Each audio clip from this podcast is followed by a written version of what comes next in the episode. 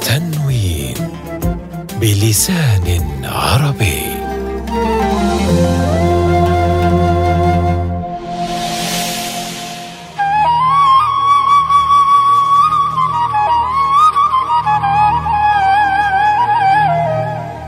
عندما تطلب منه الشيء الذي تعلم أن لن يعطيك إياه أحد إلا هو.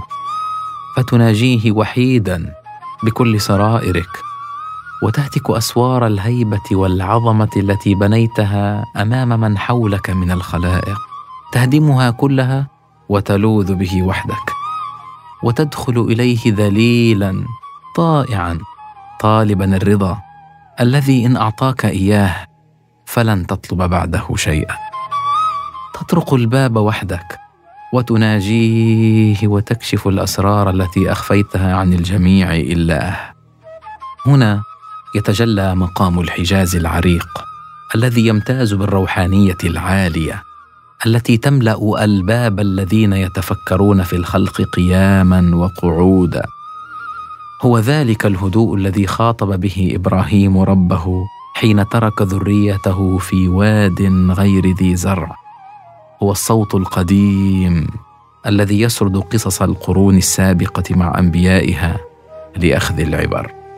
إنه الصوت الذي يناديك به المؤذن في خطاب رباني كل يوم خمس مرات.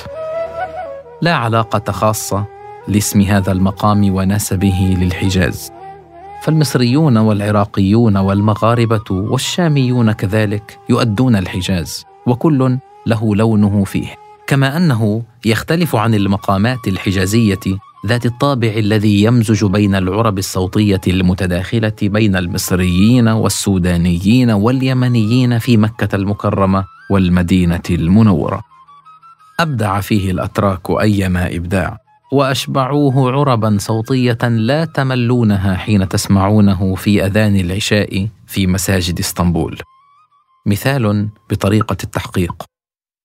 ربنا إني أسكنت من ذريتي بواد غير ذي زرع عند بيتك المحرم ربنا ليقيموا الصلاة.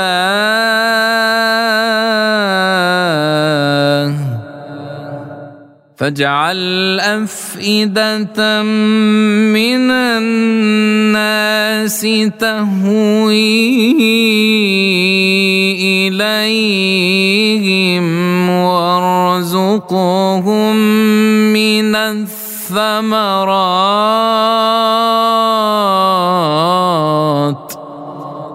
وارزقهم من الثمرات لعلهم يشكرون.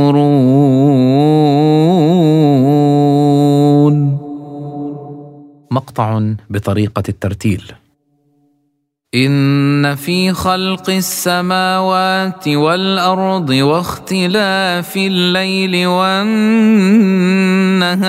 لايات لآيات لأولي الألباب.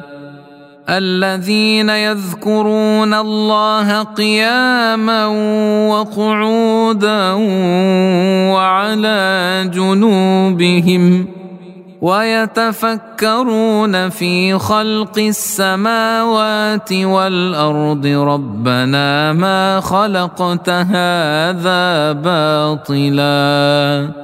سبحانك سبحانك فقنا عذاب النار.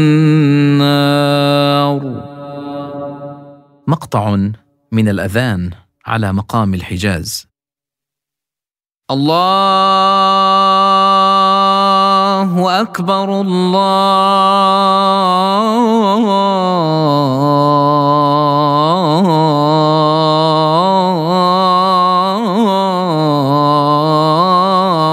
أكبر.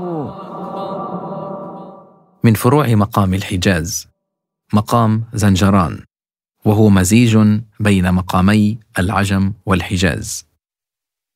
آه.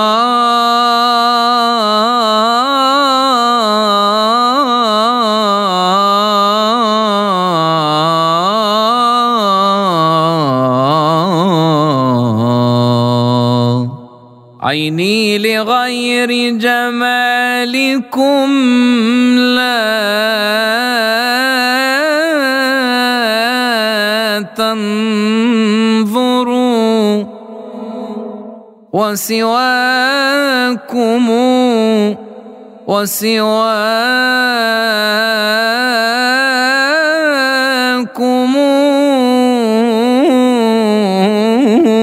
في خاطري لا يخطروا مقطع للشيخ البهتيمي على مقام الحجاز. قالت يا